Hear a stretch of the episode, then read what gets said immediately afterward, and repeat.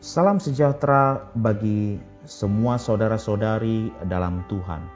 Di tengah masa pandemi yang berkepanjangan, yang kemungkinan mengauskan iman dan harapan kita, kami dari Yasperin ingin menguatkan anak-anak Allah dengan program Firman Tuhan di tengah pandemi. Dalam keadaan seperti saat ini, kita memerlukan firman dari Dia yang menopang segala yang ada dengan firman-Nya yang penuh kekuasaan. Dalam kesempatan ini, saya akan menyampaikan firman Tuhan yang berjudul Kehidupan Orang Kristen yang Sesungguhnya. Pembacaan Alkitab terambil dari Galatia pasal yang kelima ayat 15, ayat 16 sampai 17. Maksudku ialah, hiduplah oleh roh, maka kamu tidak akan menuruti keinginan daging Sebab keinginan daging berlawanan dengan keinginan roh dan keinginan roh berlawanan dengan keinginan daging. Karena keduanya bertentangan sehingga kamu setiap kali tidak melakukan apa yang kamu kehendaki. Saudara-saudari yang terkasih, kehidupan orang Kristen tidaklah sesederhana yang kita bayangkan. Banyak orang Kristen mengira bahwa sebagai anak-anak Allah kita harus menjadi orang baik, baik terhadap orang tua, baik terhadap suami, baik terhadap istri, baik terhadap anak-anak, baik terhadap tetangga, dan seterusnya. Asal bisa sedikit rendah hati, lemah lembut, baik, toleran terhadap orang lain, merasa sudah cukup. Lalu dengan berbuat demikian, mengira sudah bisa menyenangkan Allah. Saudara-saudari yang terkasih, kehidupan orang Kristen tidaklah sesederhana itu Kehidupan orang Kristen adalah hidup oleh roh dan berjalan oleh roh. Galatia 5 ayat 16 dan 25 membicarakan baik hidup oleh roh, paripateo, maupun berjalan stoiseo oleh roh. Ayat 25 berkata, jika kita hidup oleh roh, baiklah kita juga berjalan oleh roh. Menurut ayat ini, hidup adalah satu hal, berjalan adalah hal lain lagi. Saudara-saudari, Hidup berarti memiliki hayat, menerima hayat. Berjalan berarti menempuh suatu kehidupan. Menerima hayat adalah satu hal, menempuh suatu kehidupan adalah hal lain.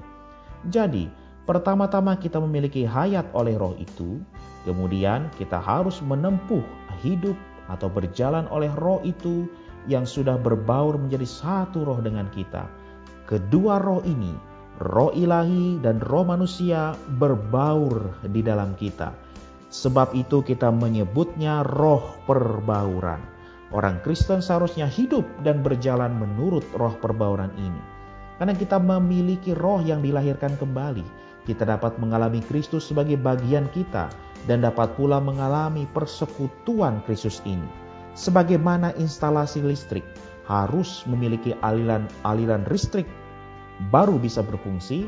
Demikian pula kita harus berada di dalam roh jika kita ingin mengalami Kristus sebagai bagian kita dan menikmati persekutuannya. Demikian pula dengan menjadi satu roh dengan Tuhan. Barulah kita dapat mengalami dia sebagai sang al-muhid. Kita semua harus menyadari bahwa kita telah menjadi satu roh dengan Tuhan jika kita nampak hal ini kita akan berkata, Puji Tuhan, sekarang aku menjadi satu roh dengan Tuhan. Allah telah menciptakan aku menjadi satu roh manus dengan satu roh manusia dan rohku telah dilahirkan kembali oleh dia. Hari ini Kristus yang almuhid adalah roh pemberi hayat yang berhuni di dalam rohku. Ia menjadi satu roh denganku dan aku menjadi satu dengan dia. Demikianlah firman Tuhan. Kasih karunia dari Tuhan kita Yesus Kristus menyertai kita semua. Amin.